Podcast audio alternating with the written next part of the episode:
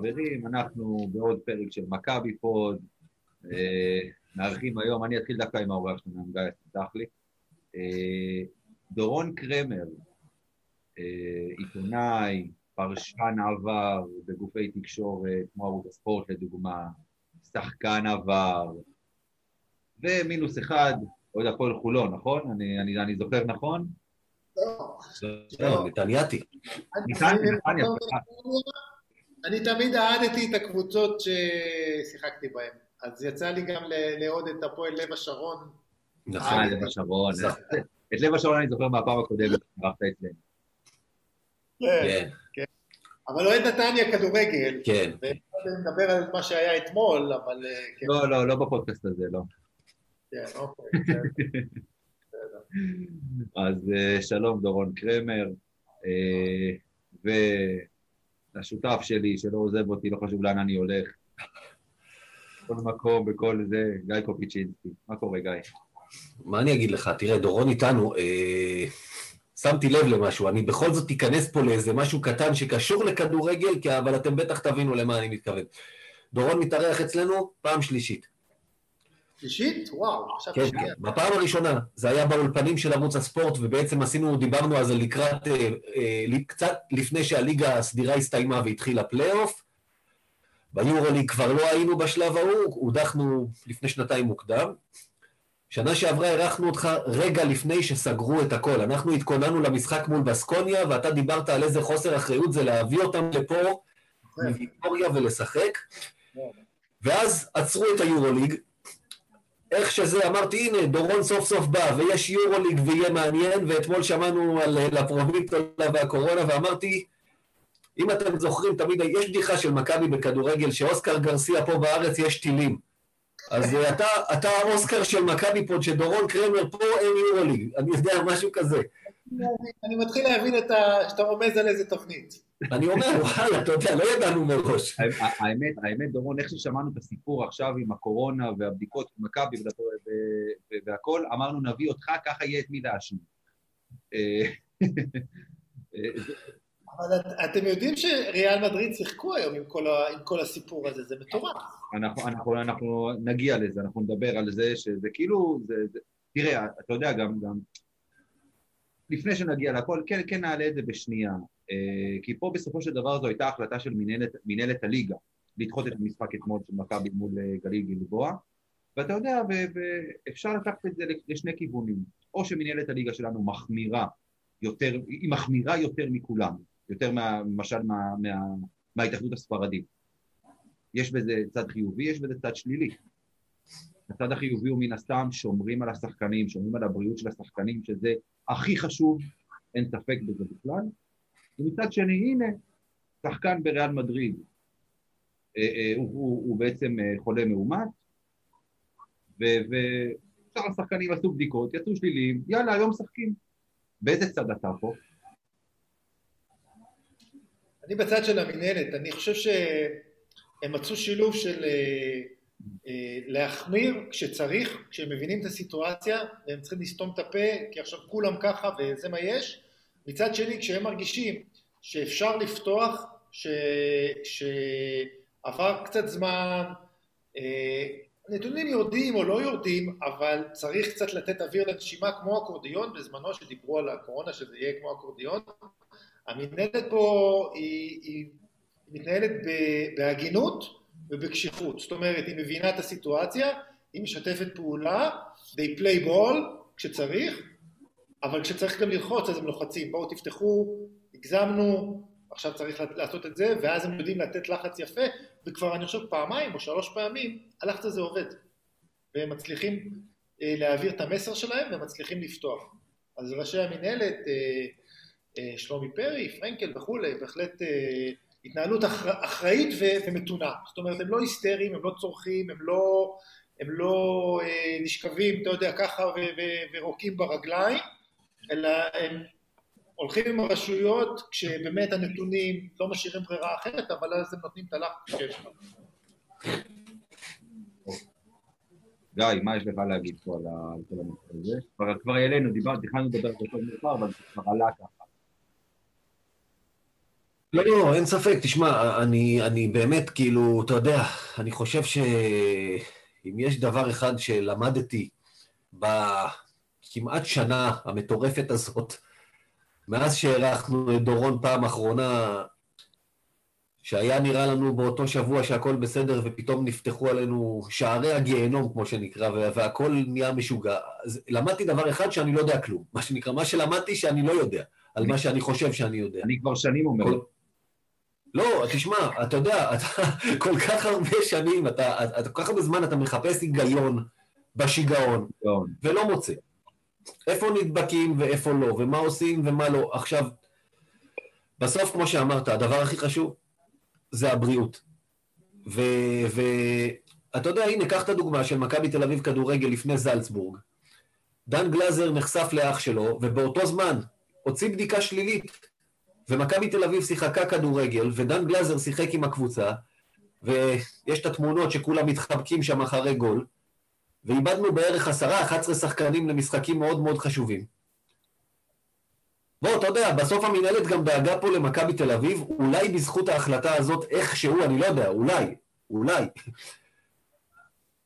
למרות שזה השחקן של ריאל מדריד, אולי בזכות זה נוכל לשחק השבוע. לך תדע איך הדברים האלה עובדים, אני באמת כבר אומר ש... שההחלטה הייתה סבירה, לא לקחת סיכון, גם ככה דחו כל כך הרבה משחקים, ידחו עוד אחד, זה כבר עוד אחד לדחוף איפשהו. זה, זה, זה בעיניי סביר לגמרי, מאשר כן, לדחוף בכוח. אתה יודע... זה גם יוצר כדור שלג, כי אם גלבוע חשפו, אז המשחק הבא של גלבוע, ואתה יודע, עכשיו צריך לדחוס מלא משחקים בכל שבוע, נכון. אז uh, עדיף לקטוע את זה בהתחלה, ואז uh, לנסות להשלים את זה.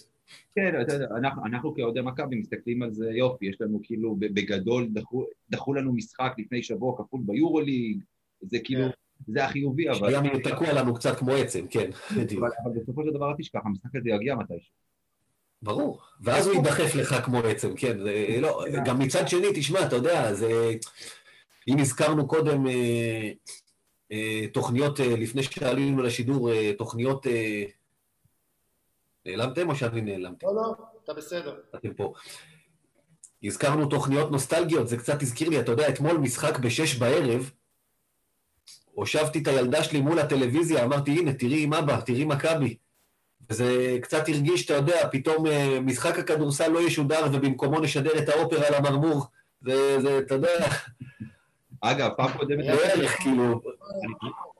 אני חושב שפעם קודמת שהושבת את הבת שלך לראות, אה, רצתה לראות את דוני, את הקמע והוא לא היה. אתמול הושבת אותה לראות את המשחק ולא היה. מה יהיה, גיא? ולא היה משחק, כן. יש הרבה רעיונות את מי אני מושיב אותה לראות פעם הבאה והוא ייעלם, אתה יודע, זה אולי איזה טריק כזה, בסדר. אני האמת שחשבתי, אתה יודע, לפני כמה ימים עברנו אה, כמה? 30 שנה למלחמת המפרץ. אז, אה, אז אה, בערוץ אחד, בערוץ אחד, אני לא זוכר איפה זה היה, כן, נראה לי בערוץ אחד. וכמה הייתם אז? אני הייתי בן 12, 12. אז, אז... אני הייתי בן תשע. תשע, תשע. אז אה, נראה לי שזה היה בערוץ אחד, באפליקציה של ערוץ אחד, אני כבר לא זוכר איפה, הראו את האזעקה הראשונה. או שלא, סליחה, לא, לא, לא, סליחה, סליחה, סליחה, סליחה, סליחה, אני, מבלבל, אני מבלבל. הראו איפשהו באחת מקבוצות הספורט בפייסבוק או משהו, את האזעקה שהייתה באמצע המשחק של מכבי. אה, לא יודע אם אתם זוכרים את זה. אז אה, כן. שפתאום שומעים את אורי לוי, אם אני זוכר נכון, ואז פתאום הקול שלו נחלש, ואז רואים את השקופית על הטלוויזיה, אזעקה. אז חשבתי לשם, לשם אתה חותר אגב, כן? לא, כן, מכבי אז לא שיחקה בארץ כמובן, צריך להגיד, זה... שהמלחמה הזאת הביאה לה את הפיינל פור באותה שנה, בגלל הרצף המשחקים הביתיים. הביתיים, נכון. אגב, אם כבר העלינו את זה, אז באמת, אז זה באפליקציה של ערוץ אחד, העלו את ה, ממש את, ה, את כל החלק של האזעקה הראשונה. ממש, מה, אז היה את הגל השקט וזה, ואז אתה שומע את ההתחלה של הנחש טפח. כן. נכון. צמרמורת ופחד, האמת, עד היום. עכשיו אנחנו יודעים מה זה היה נחש צפע. אז לא היה הכנעה, כשיהיה טיל, תשמעו נחש צפע וזה סימן. הנחש צפע הזה הגיע מהמערכת הצה"לית, או לא יודע, מהפיקוד לא, העורף. זהו, זהו, דורון, אנחנו חורגים פה בלי שום קשר לפודקאסט. כן, אף אחד לא ידע מה זה נחש צפה, זה לא. התפתח תוך כדי המלחמה. אז אני אומר שבערוץ אחד, באפליקציה של ערוץ אחד, של כאן 11, העלו את החלק, את, את כל השידור של האזעקה הראשונה. ובתחילה, ובהתחלה, שומעים את השתדר שם אומר, אחרי שאמרו את הנחש טפה, שזאת סיסמה שמישהו אמור להבין מה זה אומר. אנחנו כן. האזרחים עדיין לא ידענו בכלל מה זה אפילו. נכון. פחד נכון. אלוהים. טוב, טוב, בואו בואו נתקדם, למה לא יודע אם יש לך חלומות, כי באמת זה מפחיד או כי קר לי. אה, גיא, איך היה לך? איך היה השבוע? הנה, כמו שאתה אומר, אנחנו אה, עוברים פה ממאניה סקנדל לסקנדל, לא מסקנדל לפסטיבל. לדיפרסיה, שזה פשוט, כן, אתה יודע, היה לנו שבוע שקט מבחינה כמכביסטים, אה, עד ריאל מדריד היה שבוע של שום דבר.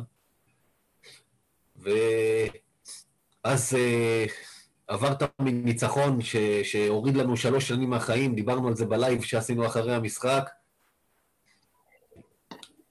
ואתה אומר, הניצחון הזה נתן לנו תקווה, ואז אתמול מגיע הסיפור עם הקורונה, ואתה כבר אומר, הנה, הנה דופקים אותנו עוד פעם, כי, כי, כי חכה עוד פעם, נחכה למחר, ו, ו, ונראה מה הנזקים בסוף. אה, כי אתה אומר, עם המזל שלנו השנה וכל מה שנופל עלינו, אולי בשנתיים האחרונות אפילו, יהיו לך מספיק חולים.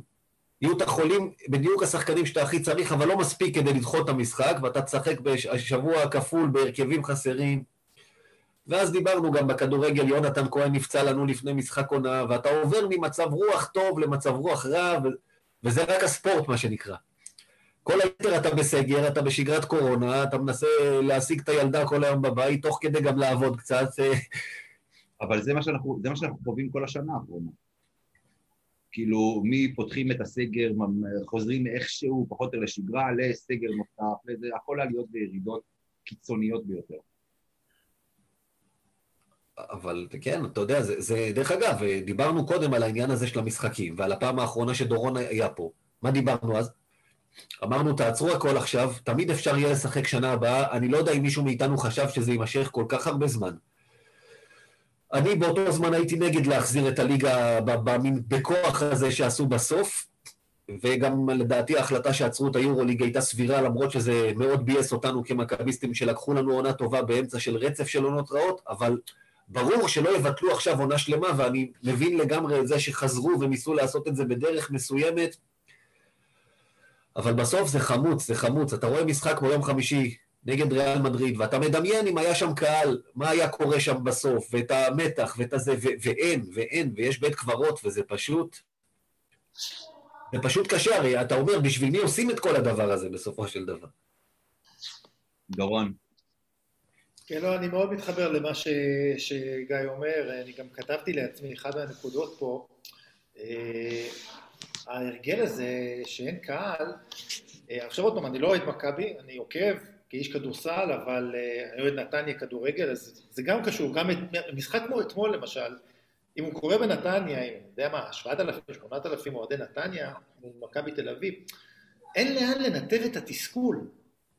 אין לאן, אין קתרזיס, אתה יודע, עם המשחקים, עם, עם, היו 11,000 צופים ב, ביד אליהו כל יום חמישי, ומשחק מול אולימפיאקוס מרעיד הרבה יותר, האפקט שלו היה מרעיד הרבה יותר ממה שקרה בתכלס, שזה היה הפסד שערורייתי, שברח מהידיים, שבעונה, לא, לא קורונה, עם הקהל והבאז והכל, היה יכול לייצר הרבה יותר אי שקט.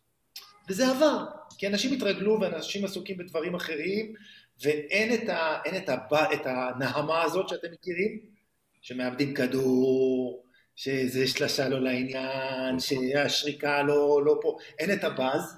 שחקן שמוחלף, לא מקבל את הפידבק הלא מילולי הזה, או הכן מילולי מהקהל, זאת אומרת, הוא מקבל את זה מהמאמן שלו, הוא לא מקבל את האפקט האקסטרה, לטוב או לרע, וזה משאיר אותנו ככה כמו זומבים של ספורט כזה. אנחנו צופים בזה, אנחנו מעורבים רגשית, אבל זה כהה. גוף, כן, כן. משהו חסר, משהו חסר, המעורבות הרגשית הרבה יותר פשוטה, ו- זה קצת אפילו עצוב שהתרגלנו לזה. זאת אומרת, אתה כבר... בדיוק, זה, זה משהו שאני אני פשוט לא יכול להתרגל אליו.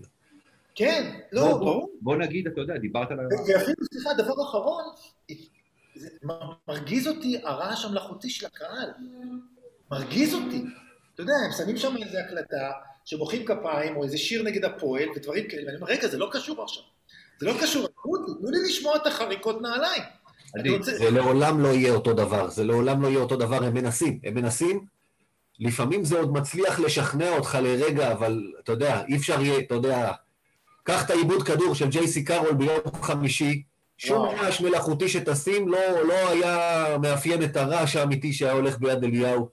עזוב, עזוב, עזוב את הרעש, עזוב את העיבוד כדור.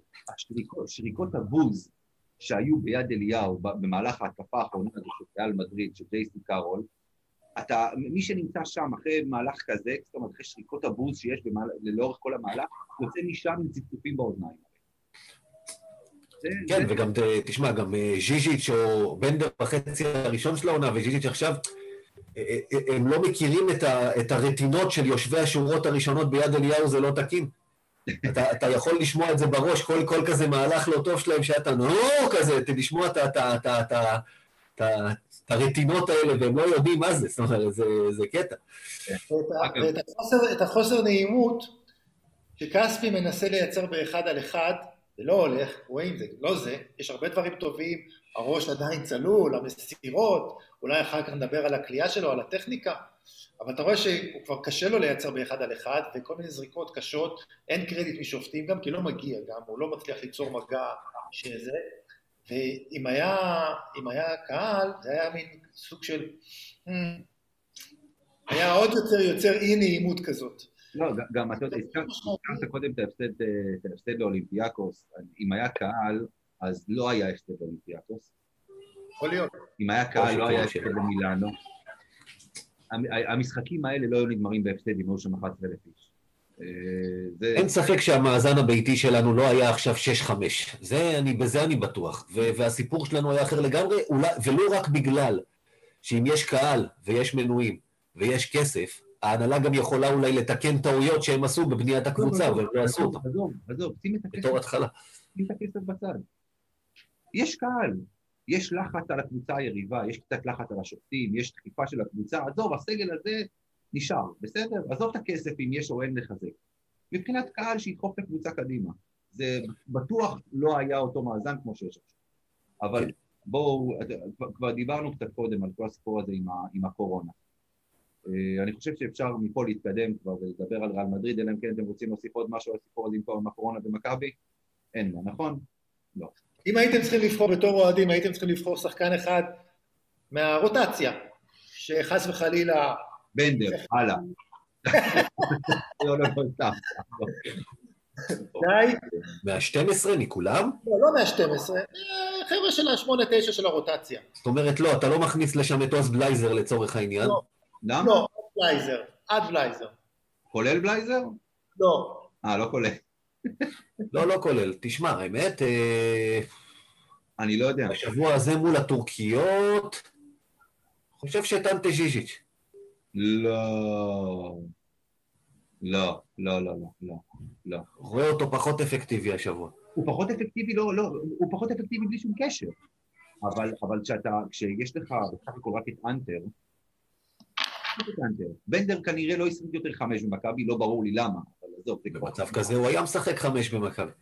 תשמע, טי.ג'יי קליין עדיין לא ישחק, טי.ג'יי קליין עדיין... לא, לא, ברור שלא, השבוע הוא לא ישחק. הוא לא פה בארץ לפי מה שאני יודע בכלל, זאת אומרת.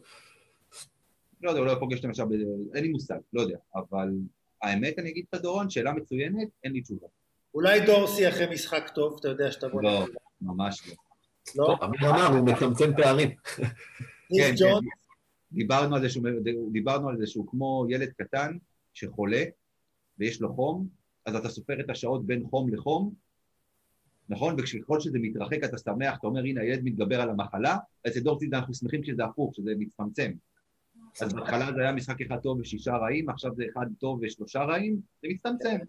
מצטמצם. אולי זה יהיה אחד ואחד. אולי יכול, לא, אני סתם, טוב, אנחנו נדבר על זה באימונים. אמ, אוקיי.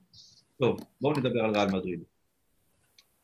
דורון, לפני, אתה יודע ככה, לפני המשחק, שהבנו כבר שריאל מגיעים לפה בלי רנדולף, בלי יוי, בלי, בלי, אה, אה, בלי אה, רודי.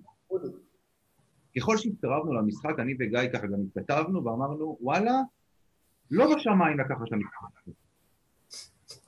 אני אגיד לך יותר מזה, בשיחות שלי היו, דיברו על דו-ספרתי. למי? למכבי. מי דיבר על דו-ספרתי לא. למכבי? לא אוהדים, חברים שלי מהכדורסל. לא. אמרו, יש דיוני ווינר וכאלה וזה, דיברו דו-ספרתי, אוקיי? וזה קצת חוסר היכרות עם מי זאת ריאל מדריד. בדיוק. מבחינת העומק, מבחינת האופי, מבחינת ה... מבחינת טווארז. הטווארז.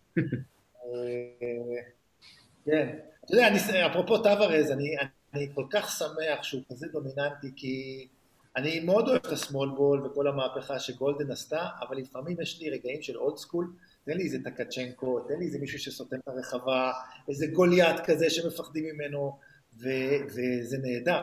זה גורם לקבוצות לשנות את סגנון המשחק שלה, גורם, לקבוצות אה, לעשות התאמות שבדרך כלל לא נתקלים.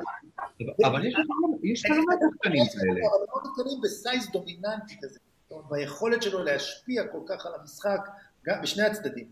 אבל יש לך לא מעט שחקנים כאלה ביורוליג השנה, כמו, עוד פעם, טווארס יותר קיצוני, כי הוא גם, הוא לא רק גבוה, הוא גם טוב, אבל יש לך את... כן, כן. לא, אמרתי, size כן, יש סייזים כאלה, אין בעיה, יש סייזים כאלה, אבל מבחינת ההשפעה שלו על המשחק, ההתגלגלות שלו לטבעת, שהיא מקבצת כל כך הרבה אנשים לצבע, היכולת שלו לשמור על הטבעת, גם אם הוא לא איזה block shotter גדול, רק הנוכחות שלו, כיף גדול. איפה היינו? דיברת על הדו-ספרתי, על הזלזול שהיה מבחינת כמה אנשים. כן, תראו, פבלו לסו הוא תמיד דמות כזאת שמדברים עליה לטוב או לרע, תמיד מסתכלים עליו בפריזמה של המאמנים הישראלים. כי עם הסכמטיות שלו, של החילופים והחלוקת דקות וכולי וכולי, מאמן ישראלי, או אני לא רוצה להגיד ישראלי, מאמנים שהם חיים את המשחק יותר, אני חייב לנצח את זה עכשיו, זורמים עם הרוטציית חילופים של אותו יום, זה הסיטואציה, זה מנצח את המשחק, היידה. והם בחיים לא היו מעלים הרכב כמו שהוא העלה ברבע השני, שבעצם החזיר את מכבי למשחק, שקצת הזכיר מה שמכבי עשו לאולימפיאקוס, השאיר אותם בקשר עין, ובעצם אחר כך חזר לקרוא את המשחק במחצית השנייה. אם הוא הולך, אם הוא ממשיך עם ההרכב הזה של הרבע הראשון, ההפרש של הרבע הראשון יכול להיות שהיה נמשך עד למחצית, ואז הרבה יותר קשה לרדוף. אז נאסו מאמן אדיר והתוצאות מוכנות את זה ואין מה להתווכח עם זה, זאת אומרת אתה לא מתווכח עם זה, הוא רץ למרחקים ארוכים ויכול להיות שפחות מעניין אותו לנצח בתל אביב ויותר חשוב לו להכניס את זה והוא משלב את הלוסן ומשלב כל מיני חבר'ה שהם אה, אה, לא, לא מקבלים הרבה דקות עם רודי ויואי שמה אה, אבל למכבי זה עזר בסופו של דבר כי בתמונה הגדולה זה משחק שהפך להיות מאסט לפי ההרכב הזה של ריאל זה הפך להיות מאסט למרות שריאל זה סיסטם והכל, אבל בהרכב הנוכחי שהם הגיעו איתו, זה הפך להיות מס למכבי, שהיא מסובכת מאוד כרגע, מה שקורה שם מהמקום השמיני ומטה. וואי. תראה, קודם כל, אה, דורון עפר פה הרבה דברים, אנשים, היו אנשים שכתבו שצריכים להגיד תודה ללאסו על טעויות בניהול משחק, ו... בספורט תמיד מישהו עושה טעויות, כמו שאומרים, ואנחנו, היו לנו הרבה הפסדים השנה על טעויות בניהול של יאניס ועל טעויות של שחקנים, אז זה בסדר שיקרה פעם אחת גם נגדנו, ובסוף אגב היו שם ערימות של טעויות. ערימות, כי מכבי תל אביב בסוף, זו שאלה שאני רציתי לשאול אתכם, אנחנו תכף נגיע לזה, כי אני, אני לא ראיתי פה איזה, איזה שינוי באופי של אה, לזרוק את המשחקים האלה שכבר ביד לפח. אנחנו עשינו בסוף עם ההחטאות עונשין, של, של מי שאתה הכי לא מצפה מהם, שזה הכוכב שלך, שזה סקוטי ואוטלו אנטר, אלוף אירופה, שהיה במקומות האלה כל כך הרבה, ודווקא הוא זורק, אה, מחטיא פעמיים, כאילו היה איזה ילד שעלה פעם ראשונה. אבל ריאל מדריד בצד השני ביצעה כמויות של שטויות, ו- ופתאום ג'ייסי קארול מוביל את ההתקפה האחרונה במקום שהוא יקבל את הכדור. והנה, להבדיל, דיברתי על זה, כתבתי על זה בטוויטר, משחק קודם, אה, בשבוע שנה שעברה, במדריד. מכבי הובילה בשתיים, ג'ייסי קארו לא זה שהוביל את הכדור, הוא בא לקבל ודפק לנו שלושה בפנים. הפעם הוא הוביל ואיבד. בשני המשחקים עומרי כספי עם כאבי בטן לא משחק. זה מדהים. זאת אומרת, אה, מה, מה יש בריאל מדריד שעושה לו אה, בלאגן בבטן? אני לא יודע. אבל... הטאפסים לא באים לטוב. דרך אגב, אם כבר נגעתי בכספי, אז אתה יודע, מילה התחיל עליו עליהום כזה, אתה יודע, בסופו של דבר, למה? כי זה מין, אה, זה כמו שלבנדר יש אה, חוסר סבלנות שכבר מצטבר מאז שהוא היה פה בפעם הראשונה, אז אנשים זוכרים את זה, ואחרי שני משחקים כבר יצאו עליו בכל הכוח. עם או בלי צדק זה כבר משהו אחר. אז עמרי כספי, בגלל כל כך הרבה זמן שהוא לא שיחק ופצוע, אתה יודע, לבן אדם קורה שיש וירוס בבטן, ואם זה היה קורה לכל שחקן אחר זה היה עובר בשקט. אבל כספי, אז, אז איך הוא מעז אחרי כל הזמן שהוא החסיר, כאילו אין לך תירוצים, זה לא, אין דבר כזה שאתה לא עולה למגרש, ומה פתאום, ו... זה חוסר סבלנות של אוהדים כלפי כספי, וכאילו סוג של לקרדה שאכלתם? לא, לא, לא, זה לא העניין של הלקר, זאת אומרת, זה גם אנשים באים ואומרים, אה, אתה יודע, היה לי ויכוחים עם אוהדים של מכבי בפייסבוק. הוא מרוויח כל כך הרבה כסף, בגלל כאב בטן הוא לא עולה לשחק.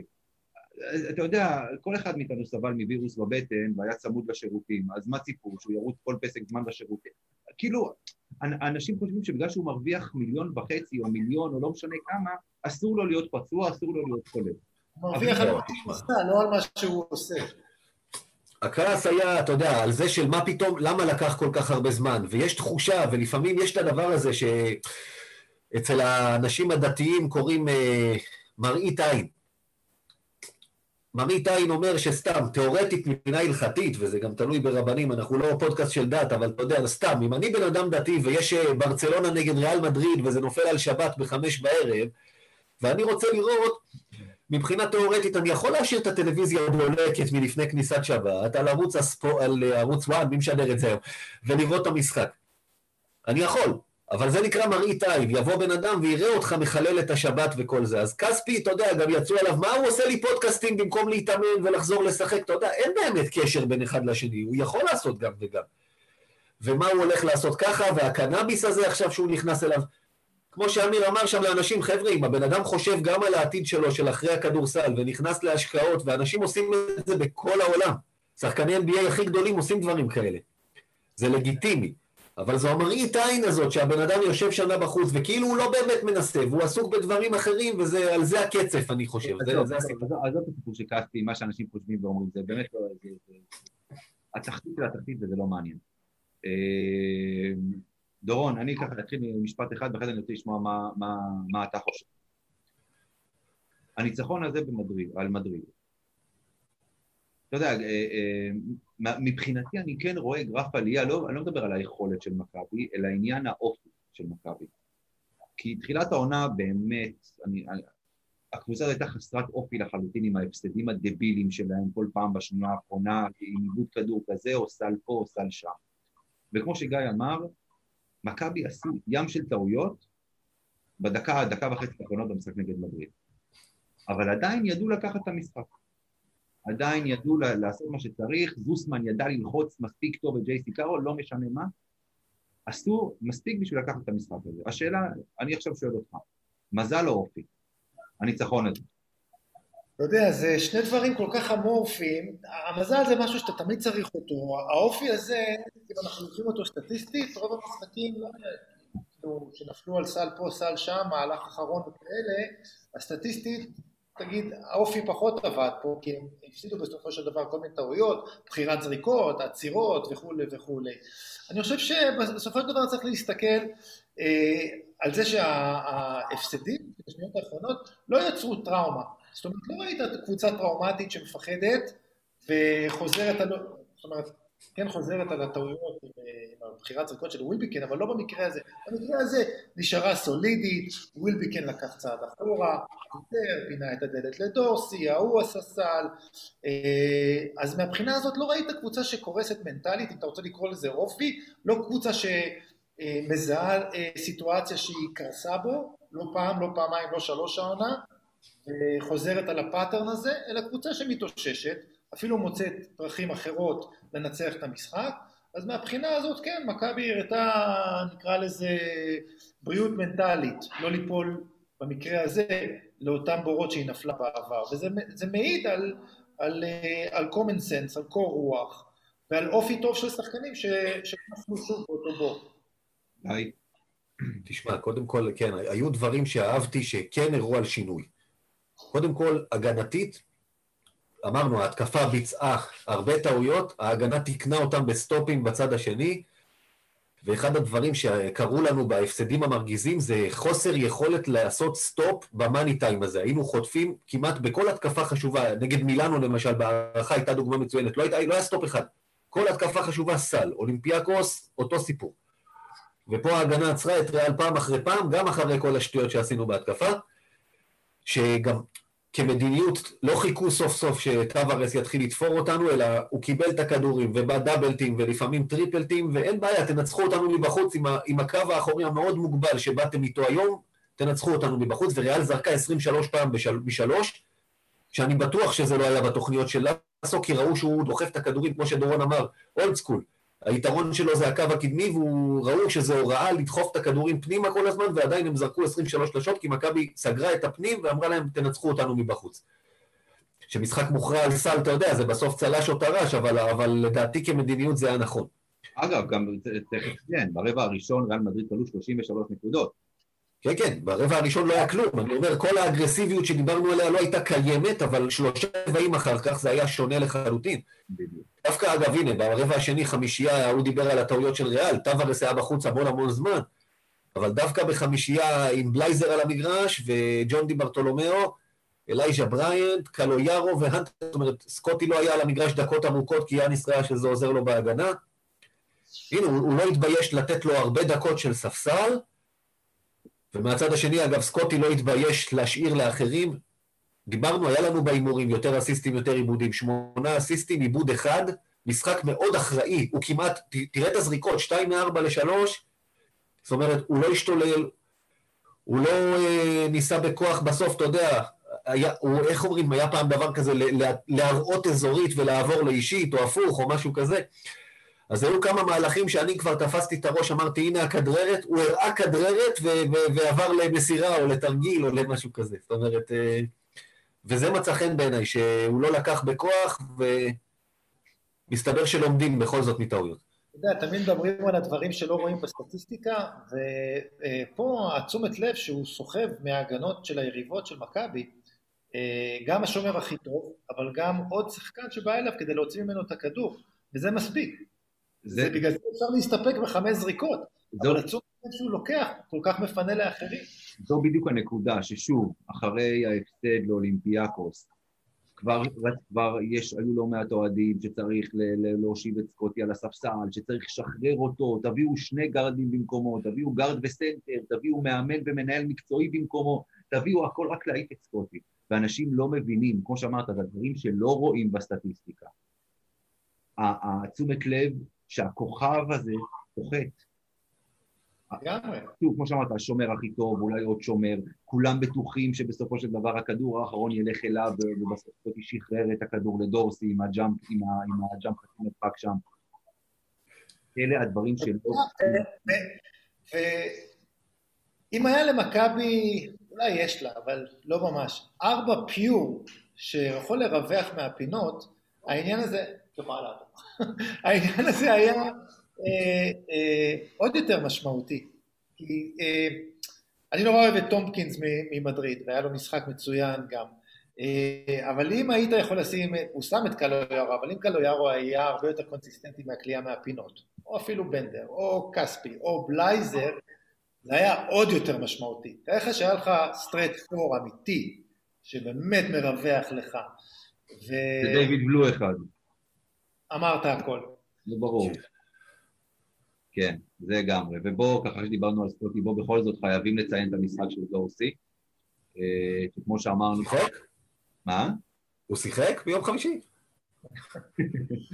אה, שבאמת, אתה יודע, זה, זה, אני חושב שבמשחק נגד חימקי הוא כלה יותר נקודות, אבל הוא, הוא היה פחות דומי. נכון, גיא? הוא כלה לא, משהו. נגד חימקי הוא נתן 27. 27, סליחה. זה כולל הערכה. זה משחק השיא שלו במכבי בי פאר, זה... זה... זהו, שזה לא גם מבחינת זה שהוא כמעט ולא עשה שום טעות. כמעט הוא לא עשה שם שום טעות במהלך המשחק הזה, ו... וזה לא חינקי, זו ריאל מדריד, בכל זאת. בדיוק. וזה גם יותר מזה, הוא לקח, אתה יודע, סוף סוף הוא לקח, זה... נגד חימקי הוא קלע הרבה שלשות, שכמו שדורון אמר, התרכזו בסקוטי בסוף, ב money time, זה שהוא לקח שם לסל ועשה and one, ואחרי זה לקח jumper של מייקל ג'ורדן כזה, אתה יודע, הקפיץ שם, הרים את השחקן, נתן לו כתף, זה הקליעה שלו ב-96 בערך, משהו, 98, סליחה, זה, זה קצת התחיל את זה. שמע, והעניין הוא שאני, אתה יודע, ביום כזה, אני ראיתי את זה, הוא עלה לזריקה, והיה לי ברור, כמו שאבי רולזמן אמר לנו בלייב, היה לי ברור שזה נכנס, אתה יודע. זה... דיברנו על זה אלף פעם, שקלעי, יש לו את הימים האלה, ולסל יש גודל של ג'ורה, ולא יעזור כלום, וחשוב שהוא ייתן יותר כאלה, כי, כי אני ציפיתי ממנו, דיברנו על זה לפני העונה, שנה שנייה באירופה. אתה רואה את האיכויות שיש לשחקן הזה, זה מה שהרגיז אותנו כל כך הרבה. כמו שאנחנו כועסים על זוסמן בדברים מסוימים. אם יש שחקן, אתה יודע, בנדר כזה, קלויארו, אתה אומר, בסדר, הוא שחקן בינוני, יש לו דברים שהוא יודע ודברים שהוא לא יודע. לגבי בנדר אני לא מסכים איתך פה, אבל uh, כי לבנדר יש, יש, לבנדר יש פוטנציאל. למה אתה צוחק, דורון? כי בנדר הוא אחד הנושאים הכי מדוברים בקבוצת וואטסאפ שלי ושל החבר'ה מהכדורסל לשעבר, מאמנים, שחקנים וזה. הוא הנושא הכי מדובר בכל קבוצת וואטסאפ של חבר'ה מכדורסל בכל הארץ. יש מצב. ואני אגיד לכם את האמת, הלב שלי יוצא אליו. זה לא מתאים לכדורסל מודרני, צריך להיות אכזרי, ואם אתה לא מספק את הסחורה, אז יאללה, ויש לי מאמנים בקבוצת וואטסאפ שאומרים, הייתי פועט לו בראש, והייתי עושה ככה וככה, ואולי בצדק. הלב שלי, הלב היהודי הרחמן יוצא אליו, כי הוא כל כך משתדל, והוא כל כך רוצה, כמו הילד, כמו קצת נשר, כי הוא לא נשר, כן? שאתה רוצה, שאתה רוצה באמת שהוא יצליח, שאתה רוצה, בכדורסל מקצועני אין מקום לסנטימנטים, ואין, אתה יודע, שורה תחתונה וכולי וכולי, אבל הלב שלי יוצא אליו כי הוא כל כך רוצה וכל כך משתדל, ו... כן, כן. הוא מראה אכפתיות, אנחנו כל הזמן אומרים את זה, שמע, אתה יודע, נגיד, הנה, קח את ג'יז'יץ', עכשיו לא הולך לו, והוא תמיד עם פרצוף כזה פוקר, וזה לא אומר שלא אכפת לו. בנדר, אתה רואה אותו גם זה, הוא יושב על הספסל, גם שהוא על הספסל, הוא מעודד את החברים שלו. הוא מגיב, אתה יודע, הוא כלה שלוש מחמש מחוץ לקשת למשל, הוא נתן שם כמה שלשות מאוד חשובות, והוא מגיב אחרי שלשה כזאת, ואתה רואה שהוא רוצה, ואתה רואה שאכפת לו.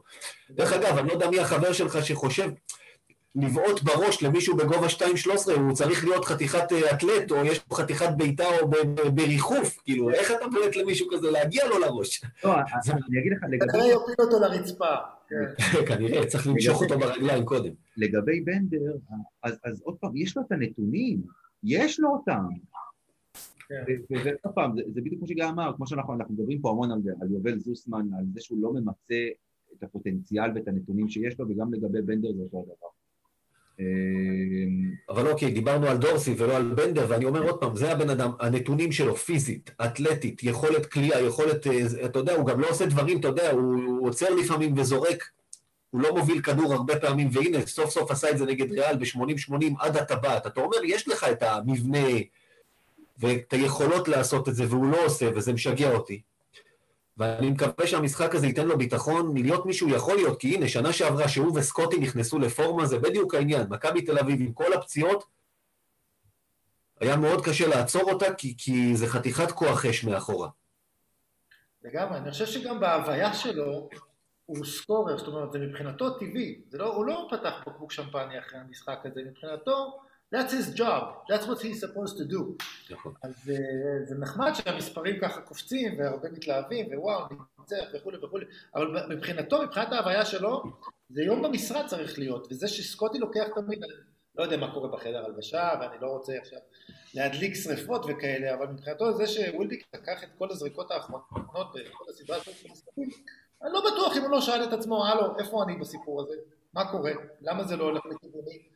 אז אה, מבחינת אגו, במקרה הזה דבר טוב, אגו זה דבר טוב, כדי לקחת את האחריות עליך, אתה צריך את האגו הזה. יש לו את זה, הוא במקום הנכון, עכשיו השאלה היא באמת היציבות שלו. ודבר אחרון על בנדר, מצטער שאני סוטה מה, מהנושא, הבחירה מספר 4 בדראפט עומדת קצת מעל הראש, כשזה קורה זה ברכה, וואו, מספר ארבע, כשאתה מגיע לסיטואציה כזאת זה הופך להיות סוג של קללה. זה מספר ארבע, זה כמו ג'ו אלכסנדר, זה מספר שמונה, בסופו של דבר מגיע לנהריה, ולא... זה, זה הופך להיות סוג של, אה, לא אגיד אות קין, בכל זאת מספר ארבע בפרח, אבל זה הופך להיות סוג של נטל, סוג של מסע כבד שאתה סוחב איתך, ובוחנים אותך בפריזמה הזאת. נכון. טוב, אני רוצה, אני רוצה שנמשיך הלאה עכשיו, דיברנו על ריאל מדריד, לפני שאנחנו נוגעים עכשיו ב, בשבוע טורקי כפול, אה, וכמובן צריך לציין, הכל בסימן שאלה, כל מה שאנחנו מדברים בפודקאסט הוא בסימן שאלה. אנחנו נגיד שאנחנו מקליטים ביום ראשון בערב, לפני תוצאות הבדיקה השנייה שמכבי תל אביב עושה. לפני, ו- לפני, לפני קולות החיילים, מה שנקרא. אה, ופנר ניצחו היום בליגה הטורקית, מה? לא מנצחים הכל. פנר, כן, פנר דורסים כל, כל דבר שזז. אה, ובגלל זה, ובגלל זה הם הפסידו לנו ביום שלישי, אם נגיע בסקל מלא. אה, דורון, כמו שאתה רואה בעצם את המצב של מכבי היום, אוקיי, מבחינת המיקום בטבלה, מבחינת המשך המשחקים, מה, מה שמצפה למכבי, מה לדעתך? בוא, בוא נגיד ככה, בוא, בוא נתחיל מזה, מכבי תהיה בשמונה או לא תהיה בשמונה? וואו. תראה, אנחנו, הסתכלתי היום על הטבלה ויש שם סמטוחה אחת גדולה ואפילו אתה לא יכול להמר כמה ניצחונות בסופו של דבר יספיקו לך כי זה נכון. לכיוונים של אה, חישובים פנימיים והפרשים. פנר לפי דעתי לא תהיה בחישובים האלה. פנר תביא את עצמה לחוק מבטחים שהיא תוציא את עצמך מהחישובים האלה, בגלל זה ההפרש פחות חשוב. אם אתה מנצח שם, יש לך את הדף... הפסדת להם גם בעשר פה, בוא, אני לא רואה אותנו מנצחים ב-11. הפסדת בעשר, כאילו, זה נחמד אם תנצח ב-11 ואז יש לך ניצחון כפול, אבל בטח לא ב- אם תמשיך בכושר הנוכחי הזה. לא, ניצח, ניצחנו בפנרבכצ'ה ב- בשנה עם, אה, סוני ווימס ואנדרו גאוטלו, הם יכולים לנצח גם עם עכשיו, זה לא חשוב.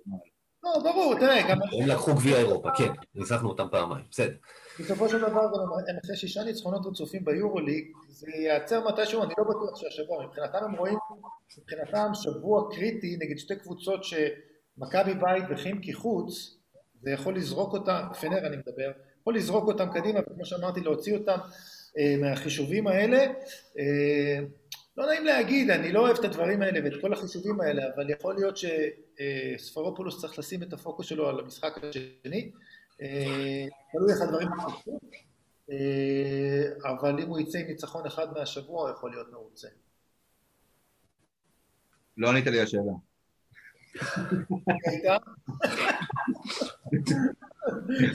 כל מה שאמרת באמת מאוד מעניין, אבל לא ענית לי על השאלה. אם הוא... מה הייתה השאלה? תזכיר לי. מה הייתה על השאלה? השמינתה.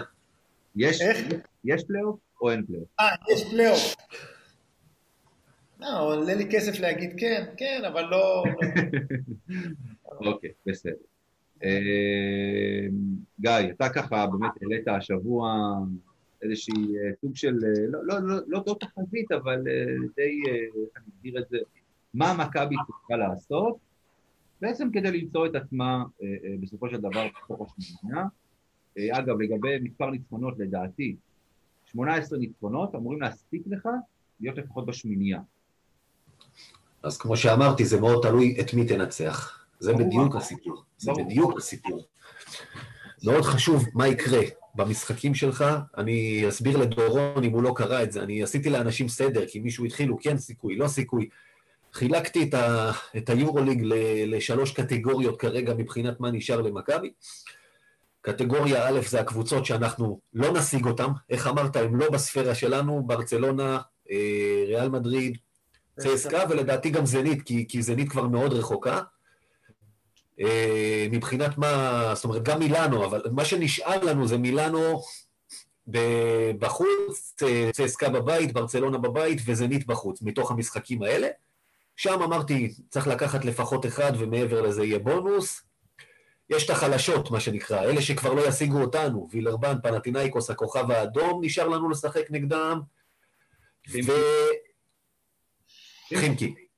אלה, קח כמה שיותר, אבל בסוף יש את היריבות שנשארו לנו מהלבל שלנו, שזה הטורקיות שכרגע הן באזור שלנו, שזה ולנסיה, שזה ביירן ושאלגיריס, שאלה שלוש המשחקים שהם מאסט, ושם אגב, ולנסיה וביירן, שם כן כדאי גם ללכת על ההפרשים, כי גם, גם כי אלה הפרשים 2 ו-3 ברי השגה לחלוטין, וגם כי איתם לדעתי אנחנו נהיה באזור של, ה, של השוויון. אם תנצח מתוך החמש... זה גם שתיים, הפסדת שתיים. כן, כן. אם תנצח את החמש האלה, אני לא צופה את כל החמש, כי לנצח את שתי הטורקיות באותו שבוע, ואת כולם זה קשה, אבל קח לפחות ארבע, 18-16 יכול להספיק לך. אם לא, אתה תצטרך אולי 19-15, ושוב, אתה גם תלוי בתוצאות אחרות. אבל היורוליג משוגע, כל אחד יכול לנצח כל אחד. כמו שאמרתי, זה קשה, זה יהיה קשה. אין מה, זה לא בקטע, זה לא בידיים שלנו ברמה של קלי קלות. אבל מצד שני, להגיד העונה נגמרה זה ממש מוקדם מדי. בטח אה, מכבי הזאת נלחמת, לפחות זה, היא תילחם והיא תילחם עד הסוף. אם הייתי צריך לשים את הכסף שלי, לא יספיק.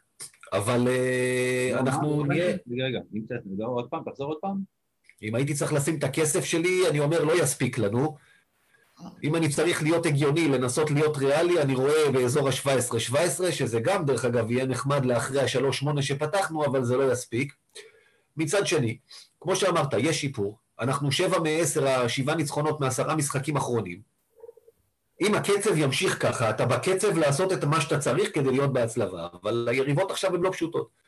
אמיר, אולי אפשר לבקש מהיורוליג שהניצחון על קטש ייחשב כפול? אנחנו נשקול את זה, אנחנו נעביר בקשה. אה, לא, תשמע, קודם כל שננצח את קטש, כן? בוא נתחיל מזה. הוא אוהב לנצח אותנו, זה הבעיה. אה, בסדר. בינתיים, בינתיים הוא הפסיד, במשחק האחרון הוא הפסיד לנו. להזכירך. האחרון, בסדר, הוא גם ניצח כמה פעמים בחיים שלו, אתה יודע. אנחנו לא מדברים על מה היה פעם, אנחנו מדברים על העונה הזאת. לא, גם המשחק שם יהיה כש... יש רוב הסיכויים שהם יצאו לגמרי, הם לא בתמונה כרגע, אבל הם יצאו לגמרי לגמרי לגמרי מהתמונה, ואז ניצחון שאולי בשנים רגילות לא הייתה בתמונה. כן, גם שרלרואה לא הייתה בתמונה ב-97 וניצחה אותנו, אתה יודע, יש, ה, יש לנו את, ה, את הקטעים האלה, כמו שיש לנו ניסים, מכבי תל אביב, דיברתי על זה השבוע עם אה, יפעה, מכבי תל אביב זה שני דברים, זה ניסים במקומות מטורפים וכאלה שלא נותנים סיכוי, וזה בעיטות בדלים מפוארות כאלה, הפסדים לקבוצות ש, שלא מנצחות אף אחד חוץ ממך, אתה עוד תפסיד לחינקי, אתה יודע, שכבר באמת ויתרו שם על העונה ומפסידים לכל דבר שזז. זה להיות מכבי, זה עכשיו לנצח את צסקה ואז להפסיד לחינקי כזה, משהו כזה. בוס, אתה זוכרים את ההפסד לדן בוס? למשל. פול תומפסון, כן. לקינגסטון האנגלית, היו לנו כמה קטעים כאלה. אנחנו לא לוקחים בחשבון כל מיני דברים שאתם יודעים, מתי נגמר אה, שלב הליגה ביורוליג? זאת אומרת, אה, פחות או יותר... 9 אה, לאפריל, משחק אחרון. 9 לאפריל. אנחנו לא לוקחים בחשבון שיכול להיות שעד אז יהיה קהל בחלק מהמקומות. נכון. בארץ זה לא יקרה. אה, לא יהיה קהל העונה ביד אליהו, אה, אבל בחלק מהמקומות יכול להיות שכן יהיה קהל, בחלק מהמקומות כבר יש קהל, בוא נגיד ככה, ברוסיה יש קהל. כן, במוסקבה היה שבוע, אבל אני לא בטוח, עכשיו עם החיסונים, אנשים התחסנו פעמיים, והאיגוד דחה את גמר הגביע ל... נכון. עזוב, יש לך מומחים שמדברים איתך על עוד סגר שיהיה באזור מרץ-אפריל, כי תהיה עוד פעם עלייה בתחלואה, ושצריכים לחסן משהו כמו 80-90 אחוז מהאוכלוסייה, ורק אז אפשר יהיה לפתוח הכל. בוא, עזוב, אתה יודע, אנחנו... בסדר, זה כל כך ספקולטיבי. אי אפשר לדעת, אי אפשר לדעת. בארץ באמת אנחנו לא יכולים לדעת מה יהיה, כל יומיים יוצאת פה איזו מוטציה חדשה, אני מרגיש כאילו אני רואה כל יום צבי הנינג'ה. כל שבוע כל אני שומע רק מוטציות. אמ, אבל בסופו של דבר, בסופו של דבר אנחנו לא, לא יכולים באמת לדעת מה יהיה, ולא יכולים לדעת גם בגלל, בגלל שאין קהל, ובגלל שהיורולי כל כך משוגעת השנה, אנחנו לא יכולים לדעת איזה מספר ניצחונות יספיק, אבל אה, טוב, האמת היא, כאילו, הכל, בוא נגיד ככה, מכבי לא צריכה להסתכל על מספר ניצחונות, מכבי צריכה משחק משחק להגיע ולנצח, זה הכל, לא נסתכל, לא נסתכל קדימה יותר מדי. יש עוד פקטור שקשור למה שאמרת, לעניין של הקהל, אם באמת לא יהיה קהל השנה, אז בעצם אה, קבוצות פחות יתחשבו בעניין הזה של יתרון באיטיות. אתה יודע, לפעמים אתה נכון. בטירוף להשיג את המקום הרביעי, להשיג את המקום השלישי. יכול להיות שקבוצות מסוימות יגידו וואלה, טוב לנו, אנחנו נהיה, אנחנו נהיה בשמינייה, גם ככה אין קהל, עדיף לי לסיים שישי ולקבל את XY במקום השלישי, גם בלי יתרון ביטוי, וזה יכול להשפיע, לדרדר את, את האפקט לקבוצות שמאחוריהם, ואז אה, לתת לקבוצות אחרות אולי להרוויח מה, מה, מהעניין הזה. הכל זה- חישובים הכל. זה ספקולציות שאנחנו לא יכולים בכלל להגיע אליהן. אפילו, אה, דורון, תגיד לי, מכבי החתימו את הטי.ג'יי הלא נכון? אה, הוא יגיע, גם השני יגיע, גם השני יגיע. כן, אני גם מאמין. גם- גם הבן של שרק זה טי.ג'יי, יכול להיות? די.ג'יי, די.ג'יי. כן. דרק ג'וניור. כן, כן. Anyways, אה, השני יגיע בזמנו, כש- כשהוא לא יוכל למצוא אה, זה, אבל אה, לפי מה שקראתי היום, אה, הסבר בהחלט הגיוני. אצל רועי כהן בערוץ הספורט, שמכבי בעצם רצו מחליף גבוה ישראלי שיוכל לתת ל- ל- ל- ל- לקשיש ה- אה, אוטלו ול, ולזיזיץ' סוג של מנוחה במשחקי ליגה, ואז אתה, הם כל פעם רוצים להושיב גארד אחד בצד, עכשיו יכולים להשאיר את, אה, את מצבת הגארדים שלהם מבחינת הזרים, ולתת לאחד הזרים הגבוהים לנוח, ומבחינת העלויות של העסקה אה, התבררו כלא לא גבוהות, אה, ברשע משתתפים בשכר, ואין את הקנס של המתאזרחים, אז זה בהחלט השתלם, השתלם להם, אה, כן, כמו החלמה לגיטימי, לגיטימית, ועוד דבר שקשור למה שדיברנו מקודם, העניין של כספי, אנחנו רואים שהוא... כנראה הווירוס בבטן קצת יותר חמור ממה שחשבו. בהתחלה. בריאות, כן, אתה יודע, זה כל הזמן סוף בבריאות, עוד פעם, יש לי המון המון כבוד לעומרי ולמה שהוא עשה, אה, אבל אה, הם צריכים בסופו של דבר עוד מישהו בעמדות האלה, והוא בא בטירוף, כרגיל. השאלה שלי אליך, אם אתה חושב שפיטר קליין יכול לתרום למכבי ביורוליג. בליגה ברור לנו שהוא יכול לתרום, הוא טוב לליגה. השאלה אם אתה רואה אותו ביורוליג, מצליח לתרום למכבי. לא, לא, לא בריווח, לא בפיזיות, לא אה, בנוכחות הגנתית. העונה הזו יש לו 40% משלוש בברשיה. איך, בברשיה? 40% לשלוש. יכול להיות שהוא, יכול להיות. יכול להיות שהוא זרק שמונה זריקות וכלה שתיים, שתיים, כן? אבל הוא... הגרסה שראינו אותו פה, אולי, אתה יודע, אולי בגרסה של נבחרת ישראל, זה היה סבבה לגמרי, אבל בגרסה שראינו אותו פה, אה, שחקן נחמד, לגיטימי, אתה יודע, מביא הרבה אנרגיות, אה, לא מפריע לשטף הקבוצתי, עושה מה שצריך, עושה, נותן גוף, גם מרווח, אבל אה, ברמה של היורוליג אני לא חושב, לא חושב שבשביל זה הביאו אותו, אני לא חושב שמישהו ש... שהם חשבו עליו שיעזור להם במפעל הזה, לזירה המקומית. די. תשמע, כבר, כבר אמרתי את זה, גם דורון אמר את זה. אה, יותר מזה, אם אתה משתף אותו ביורוליג, במקום מי? במקום בלייזר? אם זה, לדעתי בלייזר צריך גם את הדקות האלה ביורוליג, זה אחרת יחסל אותו במכבי לגמרי, ואני יותר רואה פוטנציאל בבלייזר מאשר בקליין, ולא הייתי רוצה לראות אותו מתבזבז. אני מאוד אוהב את השחקן הזה, ומאוד רוצה לראות אותו ממשיך לשחק ומצליח. בליגה גם צריך לזכור, אוקיי, אה, הוא מחזק את מכבי בליגה, אבל אה, שוב, אז פה גם מכבי צריכה להיות הוגנת כלפי, יש לה שלושה שחקנים צעירים שהם החתימו, זאת אומרת, יונתן אטיאס, דורי סער ועידן אלבר. שהם החליטו אז שמשאירים את אטיאס וסער ולא משאילים אותם לאף מקום, הם אמרו כי אנחנו מצפים מהם השנה שבליגה ישחקו וכאלה, ועידן אלבר חזר הביתה. עכשיו, שניים מהם כרגע, אם כולם בריאים וכספי, אתה יודע, אלא אם גם כספי מתחיל לקבל מנוחה, בהנחה שיש לך חמישה זרים, שניים מהשלושה הצעירים האלה יושבים גם בליגה כל משחק בחוץ. אז אה, בוא תהיה פייר כלפי לפחות אחד מהם, תשאיל אותם, תן להם לשחק. אה, וזהו, אתה יודע, בליגה הוא ייתן, אתה יודע, אין ספק שעוד שחקן כזה בליגה שמשחק זה טוב לנו. להשאיל אותם לאן? סתם. הקבוצה שהם ישחקו בה. אה, בסדר, אוקיי. מה, ב- ב- בליגה שלנו? אוקיי, בסדר. מה אכפת לי באיזה ליגה? אתה יודע מה. לא, לא. בליגה הבלקנית, מה זה משנה? רק שישחקו. יש- לי יש אה, מקום נורא חם בלב לעידן אלבר מנבחרת העתודה, אני חושב שעידן אלבר חייב לשחק. הוא אחלה שחקן, הוא אחלה שחקן. לליגה שלנו הוא אחלה שחקן. אבל שוב, במכבי לא מוצא, לא ימצא מקום, אין מה לעשות. לא. אז הוא חייב לשחק. אוקיי, ועדיין, סבבה, לא התייחסת אבל לטי.ג'יי קליין, התייחסת ל... לא, דיברנו על זה, אמרתי, ביורוליג, אני שוב, אני גם לא רוצה לראות אותו נרשם ביורוליג, כי אני לא רוצה אותו במקום אף אחד מה-12 שחקנים האחרים שחשוב לי שישחקו שם, כי זה גם טוב להם. בליגה, אני מקווה שאתה יודע, ייתן, כמו שדורון אומר, את המנוחה, אז יכול, אה, אתה יכול לשחק יותר עם החמישה זרים שאתה רושם. לתת אה, במקום אה, שני גארדים ושלושה גבוהים, עכשיו לשחק הפוך. ולא לרשום תמיד שלושה מתוך הארבעה, קלויארו, בנדר, אנטר וז'יז'יץ', אלא לשחק איתם, לתת לאנטר קצת יותר מנוחה, או לתת לקלויארו לפעמים קצת לנוח, זאת אומרת, בסדר, זה יכול לעזור לנו. ימים יגידו, אתה יודע, מה שדורון אמר, אני אוהב, יש לו תמיד אנרגיות, הוא תמיד, בכל מקום שהוא נמצא, הוא נותן הכל. בליגה שלנו בטח שיש דברים שהוא יכול לתת, ובסדר, מקווה שיהיה טוב.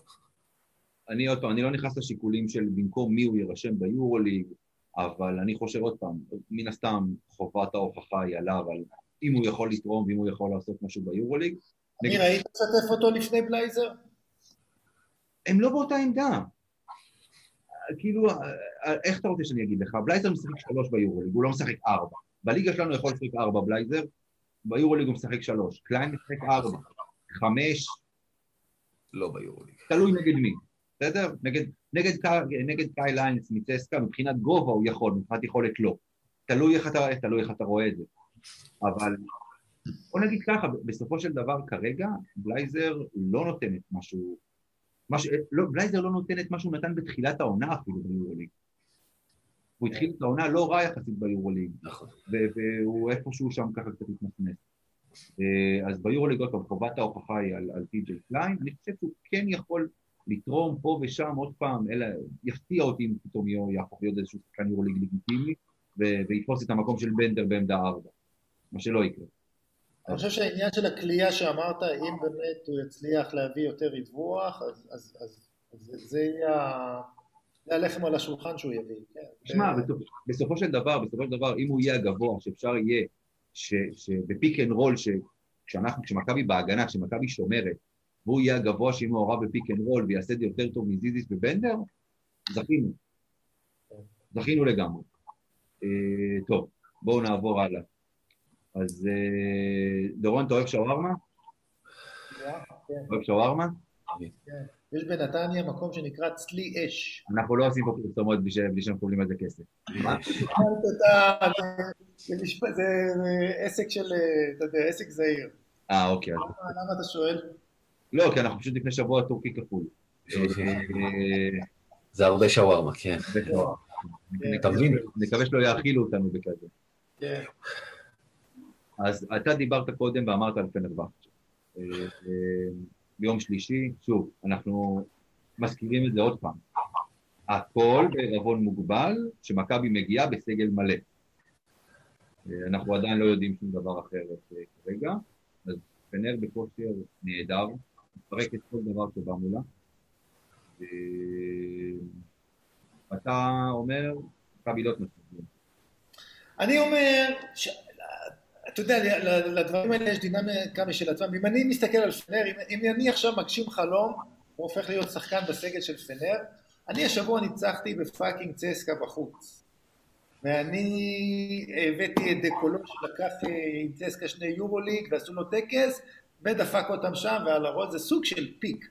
אחרי peak תמיד יש אה, סוג של נפילה, ועוד פעם, השאלה מה העצמות המנטלית או לא העצלות המנטלית שפנר תבוא אה, ביום שלישי, אם מכבי תצליח לנצח, במידה והיא כן תבוא עם סוג של נפילה מנטלית כזאת, אם מכבי תהיה שם כדי לאסוף את זה, אני בספק, בגלל מי שעומד שם על הקווים, בגלל דקולו, אה, בגלל וסלי, אה, שיש להם המון המון מטראז' שיכול לדאוג לדברים האלה.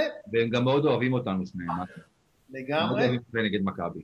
לגמרי, במיוחד וסלי, חסר לו כן. השירים, כשהוא מגיע לתל אביב, השיר הזה חסר לו באוזניים. לא ישמע אותו טוב עכשיו הוא ו... אלא אם כן עמי ביטון ישיר לו את זה שם על המגרש, נו. לא, חוץ פלייר, לתת לשי סידי. בטורקיה, יותר בעייתי. כן. אה, ועוד פעם, אתה יודע, בונוס, זה משחק שמכבי מגיע אליו בלי לחץ, כי זה סוג של בונוס, הוא ילך, אם היא תיקח אז אחלה נותן לה אחלה בונוס, אה, ואם לא, אז יום חמישי, יותר חשוב. גיא. אני מסכים איתו, המשחק היותר קשה מבין השניים זה יום שלישי. אה, תראה, נתייחס לשתיהם בכפיפה אחת, זה קודם כל סגלים אה, מאוד עשירים. פנר בתחילת העונה, עוד בהתחלה, על פניו, היה נראה שהיא כאילו. גם סוג של עם הקורונה בהתחלה הולכת לאיזה כיוון של ויתור, גם אוברדוביץ' כבר לא, ודאטומה לא, ו- וקאליניץ' הלך, ואיך קוראים לו, אה. דרק וויליאמס? הלך. אבל אז הביאו עוד שחקנים, והביאו את לורנזו בראון, ועכשיו אה, הביאו את גודוריץ', שפשוט אה, הפך להם את העונה. הם בתחילת העונה שהם ניצחו אותנו ביד אליהו, הם הרגו אותנו בהגנה, אבל ההתקפה שלהם הייתה קטסטרופה. הממוצע שלהם עד עכשיו ביורוליג, ותסתכל על השחקנים שיש שם, על העושר ההתקפי, שבכל יום מישהו יכול לתפור אותך שם, זה וסלי וזה לורנזו בראון, וזה דה קולו, וזה אה, על, מוחמד עלי בובי דיקסון, או איך שהוא לא קורא לעצמו בימים אלה, אה, ודיישון פייר, והם קולים ממוצע של 76 נקודות, אבל בשישה ניצחונות האחר, האחרונים, רק באחד מהם הם היו סביב הממוצע, בכל היתר הם יותר גבוה, ובשלושה משחקים האחרונים, 89, 96 ו-100. זאת אומרת, הם, הם, הם, הם גם התחילו, הם מצאו את ההתקפה שלהם, ואני מסתכל, אתה יודע, מצ'אפ מול מצ'אפ, השחקנים שלהם, שאתה מסתכל גם אה, פורט לשחקנים, סגל שלהם איכותי יותר, קבוצתית, הם נראים הרבה יותר טוב. אה, עוד לא הזכרתי את ג'רי לדי ואולנובס שפוגעים משלוש באחוזים נהדרים, ואני לא מצליח למצוא אפילו מפתח ולהגיד, זה מה שמכבי צריכה לעשות כדי לנצח אותם, חוץ מלהתפלל שאנחנו נקלע הרבה והם יחטיאו הרבה. אתה יודע, שהם יהיו מהימים האלה שלא הולך כלום ולך הולך הכל. יום חמישי לדעתי יותר שקול, כי הנדולו היא קבוצה לא יציבה, נראית מאוד עייפה העונה בהרבה משחקים. נראה שהסוס מנצח לא מחליפים, שעבד להם כבר אה, שנתיים וקצת, אה, אולי מיצה את עצמו.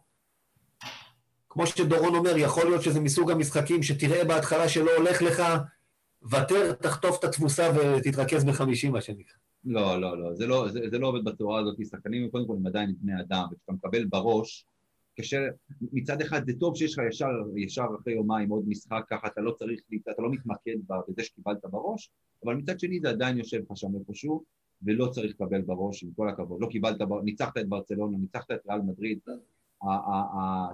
אגב, ריאל מדריד הייתה דוגמה טובה. בשבוע הכפול של ולנסיה, ראו שהשחקנים לא, לא ממש מתאמצים לחזור למשחק, וכבר חושבים על, על ולנסיה. זה שבסוף בעטנו שם מדליק כמו חמורים, סיפור אחר, אבל, אבל לא מדבר איתך בוא נקבל 40 הפרש, אבל אתה רואה שהמשחק לא הולך לכיוון שלך, אז אוקיי, כאילו... אני בדעה, ועוד פעם, ודורון היה שחקן, ואני הייתי שחקן, אולי לא באותה רמה בדיוק, אני ברמה קצת יותר גבוהה, אבל, אבל אני לא מגיע לשום משחק כדי להפסיד, ואני לא מוותר על אף משחק, ואני מגיע, ואתה יודע עוד פעם, כשאני בא ואני מסתכל על מכבי, אני בא ואני אומר, קבוצה שניצחה את ברצלונה בחוץ, קבוצה שניצחה את ריאל מדריד, יכולה לנצח כל קבוצה. דרך אגב, אם נזכרת את ברצלונה בחוץ, אז אם לנצח, אז זה צריך להיות הפעם בצורה הזאת. להגעיל את המשחק, להוריד את הסקור, לשחק התקפות ארוכות ולהיות מאוד מאוד אגרסיביים בהגנה. אם תנסה לרוץ נגדם שם, אתה תפסיד. מה דורון? מותר קהל בטורקיה? יש מכניסים קהל? אז יפה, זה... לא, אבל לפי מה שהבנתי, פנרבכצ'ה מכניסה קצת קהל בניגוד להנחיות במשחקים שלה. טוב. טוב? אז היה, אגב, כן, כאילו, זה שהיורוליג מאשרים את זה, זה זו בדיחה. אה, שוב, הם מאשרים מה שמותר במדינות, ואתה יודע שאתה... שאתה... אתה יודע, כל ה... כל ה... אולי דורון אחד מהם, אני לא יודע, באמת לא נתקלתי בתגובות שלך לגבי העניין הזה, אבל, אבל כל השונאי מכבי ושונאי יורוליג, אה, לא, לא. לא, אוקיי, אז, אז מדברים על החוסר ספורטיביות של היורוליג, על השריונים, בלה בלה בלה וכאלה ופה ושם. אבל זה לא ספורטיבי. היורוליג צריכים להגיד או שכל הקבוצות מכניסות, או שאף אחד לא מכניס. זה לא עובד מה שכן. אני לא יודע, תשמע, אם יש מקומות שזה, אתה יודע, איך זה, תמיד הולכים עם החזקים, ואם אה, בספרד יתחילו להכניס, וזה ארבע קבוצות שם, ויש להם אה, הרבה אנשים בתוך ההנהלה של היורוליג, אז הם ייתנו את זה. ברוסיה זה פוטין, ופה זה ארדואן, וזה אנשים חזקים. אבל בתחילת העונה ג'לגריס זה כניסה. אתה יודע, יש, יש גופי ספורט בינלאומיים, שכמו הוועד האולימפי הבינלאומי אומר, אם המדינה מתערבת בחוקים שלנו, המדינה הזאת בחוץ. כן. היורוליג עוד לא צבר לעצמו מספיק כוח כדי לכפות על המשרדי בריאות המקומיים לעשות את זה, אבל יש ארגונים חזקים מספיק. אה. לא, אבל, אבל היורוליג צריכים לבוא ולהגיד, אתה יודע, היורוליג לא יכולים, הם עדיין, לפחות בינתיים, היורוליג לא מתערבים, אין את הפייר פליי ביורוליג, אז הם לא מתערבים בעניין הפיננסי, אבל לבוא ולהגיד שאם קבוצה, אם, אם יש קבוצה אחת שלא יכולה להכניס קהל, זה כבר לא ספורטיבי וזה כבר לא הוגן. אז או שכולם, או שאצל כולם יש קהל, או שאצל אף אחד אין קהל. אבל עזבו, זה כבר אה, נושא לשיחה אחרת. אה, אז בואו בוא אני אשאל אותך רגע, דורון, לגבי, בואו נדבר רגע על יום חמישי. מה מכבי צריכה לעשות כדי לנצח את, את אה, אפס הנדולו? אתה יודע, גיא דיבר על ההתקפה של פנר, וההתקפה של הנדולו לא פחות. אנחנו מדברים על אדון ווילביקן, המקומי, לארקין, ומיצ'יץ' מפחיד. מיצ'יץ', כל מה שאני רואה אותו, אני אומר, זה מזל שאני לא צריך לשמור עליו. הבן אדם... בובואה שכושר פחות טוב, קבוצה, קבוצה... בובואה שהוא רואה את מכבי, דרך אגב, אתה יודע, זה בובואה שהוא רואה את מכבי, זה מדהים מה שקורה לו, הוא הופך למייקל ג'ורדן בערך, כן. וגם פלוסלב סימון, אגב. נכון, נכון, נכון. אז אתה יודע, הטיפולים ההגנתיים, מכבי לא ממציאה את הגלגל, היא צריכה שאנטר יחזיק לה את כל ההגנה, אם זה בעזרות, אם זה בחיפויים, החילופים ההגנתיים שהם עושים בפיתרון, לפעמים עובדים, לפעמים לא, הם לא מצליחים באמת לייצר איזושהי קונסיסטנטיות הגנתית. לא נעים לי להגיד, אבל בקבוצות מול כישרון התקפי עמוס, זה יותר תלוי ביריבה. נכון. ראה, ראה המהלך האחרון של ריאל מדריד, אם יואי שם מוביל כדור, או אפילו הלוסן, יכול להיות שזה נגמר אחרת בגלל התגובה ההתקפית של ריאל, ופחות בגלל התגובה ההגנתית של מכבי. אוקיי, גיא?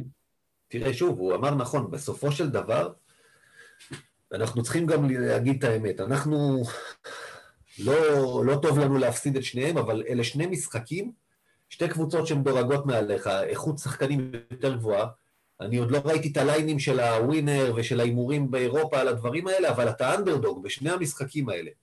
אנחנו לא עולים לאף משחק כדי להפסיד, אבל הסיכויים נגדך בכל אחד מהם שוב. הנדולו, אתה כבר דיברת, מדובר על שחקנים גם טובים, גם תמיד טובים נגדנו, שחקנים שאיך אמרת, אוהבים אותנו. ש, שבכל יום נתון הם יכולים להתפוצץ. אה, דיברנו על זה, הנה, שיום חמישי הם שיחקו נגד זנית, הם כבר פיגרו בהפרש גדול והתחילו לחזור למשחק, שם התחיל מטווח, הם בסוף הפסידו, זנית מראים השנה אופי מדהים, בלי קשר, אבל... הם מאוד, הנדולו יש להם משחקים, פתאום מפסידים שניים, שלושה ברצף ומנצחים שניים, שלושה ברצף, אז זה מאוד תלוי על איזה צד של הכרית הם יקומו באותו יום, מה שנקרא, ושוב, זה עניין של לקוות שהם קמים על הצד הלא נכון, חד משמעית. אוקיי, זה לגבי פה אני מסכים עוד פעם, חוסר היציבות שלהם העונה בניגוד לשתי העונות הקודמות זה משהו פשוט מטורף. אה, שתי העונות הקודמות... הם 11-10, אתה יודע, איפה הם היו שנה שעברה ואיפה הם עכשיו, הם 11-10, צריך להגיד שלפנינו הם משחקים בבית נגד הכוכב האדום, אני מניח שהם ינצחו את זה. האמת טוב לנו שיפסידו. לא, טוב לנו שיפסידו, הם משחקים נגד הכוכב האדום בבית, אני מניח לא, שהם... לא, הכוכב האדום ניצחו את ריאל, ריאל הגיעו אלינו והפסידו, וניצחנו את ריאל, אז בואו, אני, אני קונה אותו, אותו תסריט. אותו דבר, אה? נקנה זה בסדר, זה יקרה, לא יודע. טוב, בואו, אנחנו נעבור עכשיו, אה, אה, אנחנו עוברים להימורים. אלא אם כן יש מה שאתם רוצים להגיד לקראת השבוע הכפול. אני רק רוצה להגיד לכל מי שמקשיב, שאני המהמר הכושל בהיסטוריה. אל תאמינו לכל, כאילו הפוך, באמת, באמת. אני הגעתי למצב שאני כבר, כן. טוב. אז, אז לקחת בערבון מוקדם. טוב. אז אני אתחיל איתך, דורון, בגלל שנתת כזה פתיח. יש לנו השבוע שני משחקים. שלישי, פנרבכצ'ה בחוץ. חמישי, אפס הנדולו בבית. מפסידים, תגיד. זה הפוך על הפוך על הפוך על הפוך. מכבי בארבע בפנר, ומכבי מפסידים בחמש מול הנדולו. טוב, אוקיי. גיא. תעשו מה שאתם רוצים. עזוב בשלישי, בואו, לא צריך לרדת לא, לא לרד לרזולוציות האלה. ניצחון וניצחון, אתה מהמר על ניצחון על פנר והפסד להנדולו. גיא? תשמע, בוא נתחיל ככה, אני, אני עד עכשיו, אה, זה כמו נגד ריאל מדריד, אני קרוע. אני אומר, פנר זה הפסד, הפסד קל, 12-13 הפרש, הם מנצחים אותנו, זה ברור מבחינתי. הנדולו זה, זה עסק מסובך. יהיה משחק צמוד עד הסוף, אני מקווה ומאמין שנהיה בצד הנכון שלו וניקח אותו. אני אומר על שתי ניצחונות. זה ההימור שלי. שתי ניצחונות. הלאה. אין חוקים בדברים. מה, דורון? לא, אין חוקים בהימורים, אתה יודע, זה לא... אני, אני, תשמע, אני עוד פעם, אני אומר, אתה... כאילו, גיא נתן את התשובה המושכלת, ההגיונית, הסבירה. אתה בספורט, אתה לא יכול לתת. אני משתמש בזה כשאני מהמר, אני מפסיד. אנחנו נציין, ובגלל שאני אומר את זה, אז ברור לי שאני אטעה, שאני חושב שבשישה שבועות האחרונים אני מנחש נכון מכבי מפסידה ומכבי מנצחת. עכשיו שאמרתי את זה, ברור לי שזה זה, זה יפסיק. אבל בסדר. זה הגיוני, מה שאמרת זה... אבל, אבל אולי יפסיק טוב, אולי יפסיק לשני ניצחונות, אז זה בסדר, אני מקבל את זה. טוב, דורון, יש לנו, אנחנו, יש לנו under over אחד שאנחנו רוצים לעשות. אוקיי. under over, שניים וחצי שחקנים מאומתים לקורונה, לקראת, לקראת יום שלישי. יונתן אטיאס, עידן אלבר, הם היו שם? סנדי כהן. כן. אנדר. טוב, לא, לא, האמת שלא באמת, כן, אני, למרות שאם אתה שואל אותי, אני מהמר שכולם יצאו בסדר, כולם יצאו שליליים, אבל אה, זה ככה בכל זאת אה, סתם בדיחה, ואנחנו באמת מקווים שקודם כל כולם יהיו בריאים, זה דבר ראשון.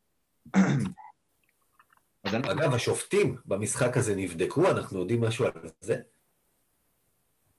שופטים... כאילו, השופטת המרגיזה ששרקה לי שם את האנד וואן לאבלדה שם, שנתנה לו המשכיות של מעבר ל-NBA. היא לא נבדקה בשום דבר, אני צוחק עכשיו. זה נשמע שוביניסטי, אבל היא חלשה מאוד. היא מאוד, מאוד. תקשיב, אתה יודע, היא שופטת אותנו לא מעט, והיא מפרקת את מכבי משחק אחרי משחק. היא לא מתאימה. לא זה לא רק זה, אתם יודעים, אתה אמרת על העניין השוביניסטי, אתה יודע מה, ואני בעד, אני ממש לא בן אדם שוביניסט, אבל, אבל התחושה שלי שם הייתה, אתה ראית ששני השופטים האחרים, הבכירים יותר, באים ואומרים לה, מאיפה הבאת פה שריקה לסל ופאול, ובכל מצב אחר, אני מניח שהשופט הבכיר, לשופט גבר היה מבטל אותו, מבטל אותה החלטה, אין פה שום סל ופאול, ופה אולי בגלל שהיא אישה, ויתחילו להגיד בגלל שהיא אישה אתה מקטין אותה, הם לא עשו את זה והם הלכו איתה. זה הפוך על הפוך כזה היה לדעתי. אני, אני חושב שהג'נדר פה השפיע, חד משמעית. טוב. טוב. יום שלישי, פנר בכצ'ה, טיילר דורסי. כמה נקודות הוא קולע? 11-12 כזה. גיא. 15-17. אני אומר שהוא ממשיך. אני עם גיא. לא, 30, אבל נותן. כן, כן, אני עם גיא פה, אני גיא. הוא לא, הוא באמת, הוא לא יגיע עוד פעם לתצוגה של 30, אבל הוא כן ייתן... הוא כן מוכיח את הכושר הטוב שלו. סליחה. עכשיו אנחנו עוברים לאפס הנדולו. סקוטי ווילבקין. אתה יודע מה? לא, סליחה. שני המשחקים ביחד, אוקיי? גם המשחק נגד פנר, גם המשחק נגד אנדולו. סקוטי ווילבקין. ממוצע, ש... בוא נגיד, נעשה כן under over, under over, ממוצע 13 וחצי נקודות. דורון. over, over. אבל רגע, זכור לי במעומעם, אתם בטח זוכרים יותר טוב ממני, יכול להיות שהיה איזשהו דו-קרב בינו לבין לארקין באחד המשחקים שנה שעברה או לפני שנתיים, סוג של ראש בראש כזה? לארקין אני לא בטוח, היה לו איזה, היה לו נגד מישהו, נגד מי, אני לא חושב שזה היה לארקין. לא, אוקיי, טעות שלי. אני לא בטוח, אני לא, גיא הוא ההיסטוריון היותר טוב מבינינו. שנה שעברה פה בבית ניצחנו בזכות שתי קליעות עונשין שלו, 77-75, אם אני לא טועה הוא קלע איזה 18, ובחוץ חטפנו מהם איזה 20 הפרש אה, בראש, לא נעים, היה קל. אני לא חושב שזה הגיע לדו-קרב ביניהם באף אחד משניהם. אוקיי. זכרתי משהו ככה במעומעם, לא משנה. over. לפני שנתיים, לא, לא, לא, האמת, לא יושב לי בראש. צריך לחזור אחורה ולבדוק את זה, יכול להיות. אוקיי, גיא. אני הולך על under. כן. אני פה עם דורון, אני הולך על over. אה, אני צריך איכשהו, אני צריך איכשהו לתמוך בעניין שאני אומר שיהיו שני ניצחונות, כי צריך שדורסי ווילבקין יהיו טובים. לתמוך איכשהו. כן. כן. אה, טוב, הימור אחרון שלנו. אנטה זיזיץ'. מה יהיה איתו, דורון? הימור, תאמר, מה יהיה איתו? איי איי. ראיתם ציוץ היום של אה, פייק אה, אלי סער, פייק סרוסי? הוא אומר, מה, סוגרים את השדה תעופה לפני שהקרואטים יצאו מפה? יש שיגידו שזה קונספירציה של, של, של הנהלת מכבי להשאיר אותם פה. חכה, זה עוד לא התחיל כבר, שוויץ' משאיר אותם פה ובגלל זה הוא סוגר את השדה תעופה. חכה, עוד לא בדקנו את הקבוצת פייסבוק שלנו, אולי בזמן שאנחנו מחליטים העלו כבר איזשהו פוסט כזה. כן, שהוא סגר. אה, תראה, אה, אליו בניגוד לבנדר יש פחות אמפתיה, למרות שגם שם אתם רואים שמבחינת יכולות התקופיות, סיומת בצבע, נוכחות, אה, הוא שם, אני לא חושב שהוא מביא את, ה, את, ה, את האפקט שחמש דומיננטי ביורוליג צריך להביא. הוא לא מביא. חשבו שהוא יביא. חשבו שהוא יביא, מעבר לזה שהוא גם, אה, זה נקרא liability, איך נקרא לזה, אחריות הגנתית, או חוסר אחריות הגנתית, אם זה... נטל, כן. לא עוזרים לו עם זה כל כך, אפשר יש דרכים לעזור לו עם זה. נכון. אה, אבל אה, בוא נגיד שהילדים שלי השבוע צריכים לקבל תעודת אה, סיום מחצית. הוא לא היה, לא היה עובר בהרבה, בהרבה מהמקצועות. שמע, אני חושב שדורון אמר, אנטה ז'יז'יץ', אנחנו, אתה יודע, ניהלו עליו קרב עם ריאל מדריד, וכמה חפרו לנו, נו, הוא בא, אמרתם שהוא בא, מתי הוא בא, וכל הדברים האלה. חיכו לו כמו שמחכים לאיזה סוג של משיח שיושיע את הקבוצה, ובינתיים הוא לא מראה, הוא לא מראה לדעתי גם מה שהוא כן יודע לעשות. אני חושב שפשוט העניין שהוא פחות מתאים כנראה לשיטה של ספרופולוס. ומה שאני אומר שיהיה עם ז'יז'יץ' זה שהוא יהיה סנטר דומיננטי ביורוליג, לא אבל לא במכבי תל אביב. זה יהיה במקום אחר, בשנה הבאה. כמו צירבס. לא, משהו כזה. לא, תשמע, מייק צירבס היה טוב, היה טוב בכוכב האדום לפני שהוא הגיע למכבי, ומכבי קלקלו אותו. כי אחרי ש... מכבי עוד היו לו כמה משחקים. אתה יודע מה, אני אגיד לך יותר מזה, אני חושב שהשבוע באחד משני המשחקים הוא גם יהיה לא רע. לא נגיד שהוא יהיה מצוין, איזה double figures בנקודות, כמה ריבאונדים, בשני הוא יהיה קטסטרופה אם אני צריך לנחש, אבל ב total, ב total, ב total. נגד דנסטון או נגד וסלי הוא יהיה טוב, נו באמת. נגד וסלי, נגד פנר. עם וסלי הוא דווקא יכול להתמודד, והוא יתמודד איתו לדעתי לא רע דווקא, ב... לפחות במחצית הראשונה במשחק ביד אליהו. אוקיי, בוא נראה. לדעתי הוא לא, הוא לא, בקיצור. אה, טוב, אנחנו נסיים את זה כאן.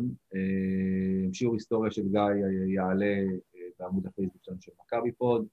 כן. אה, דורון? לעשות טעם טוב, ניקח אתכם לניצחון הכי גדול של מכבי על הנדולו אפס אי פעם.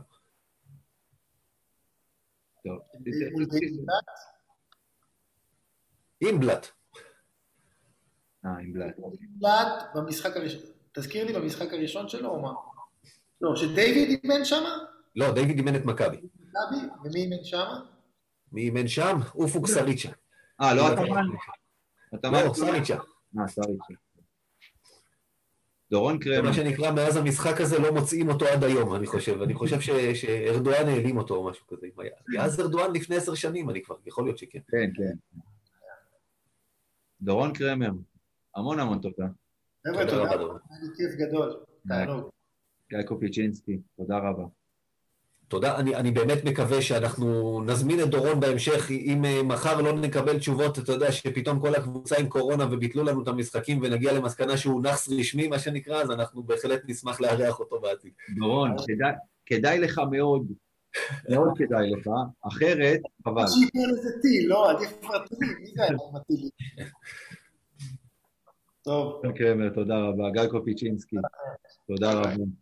אה, חפשו אותנו בפייסבוק, אה, מכבי פוד, קבוצת האוהדים של מכבי תל אביב, בטלגרם, בטוויטר, אה, וזהו, ונקווה וניפגש פה בשבוע הבא, שתי ניצחונות, כמו שאמרתי. עם כולם בריאים.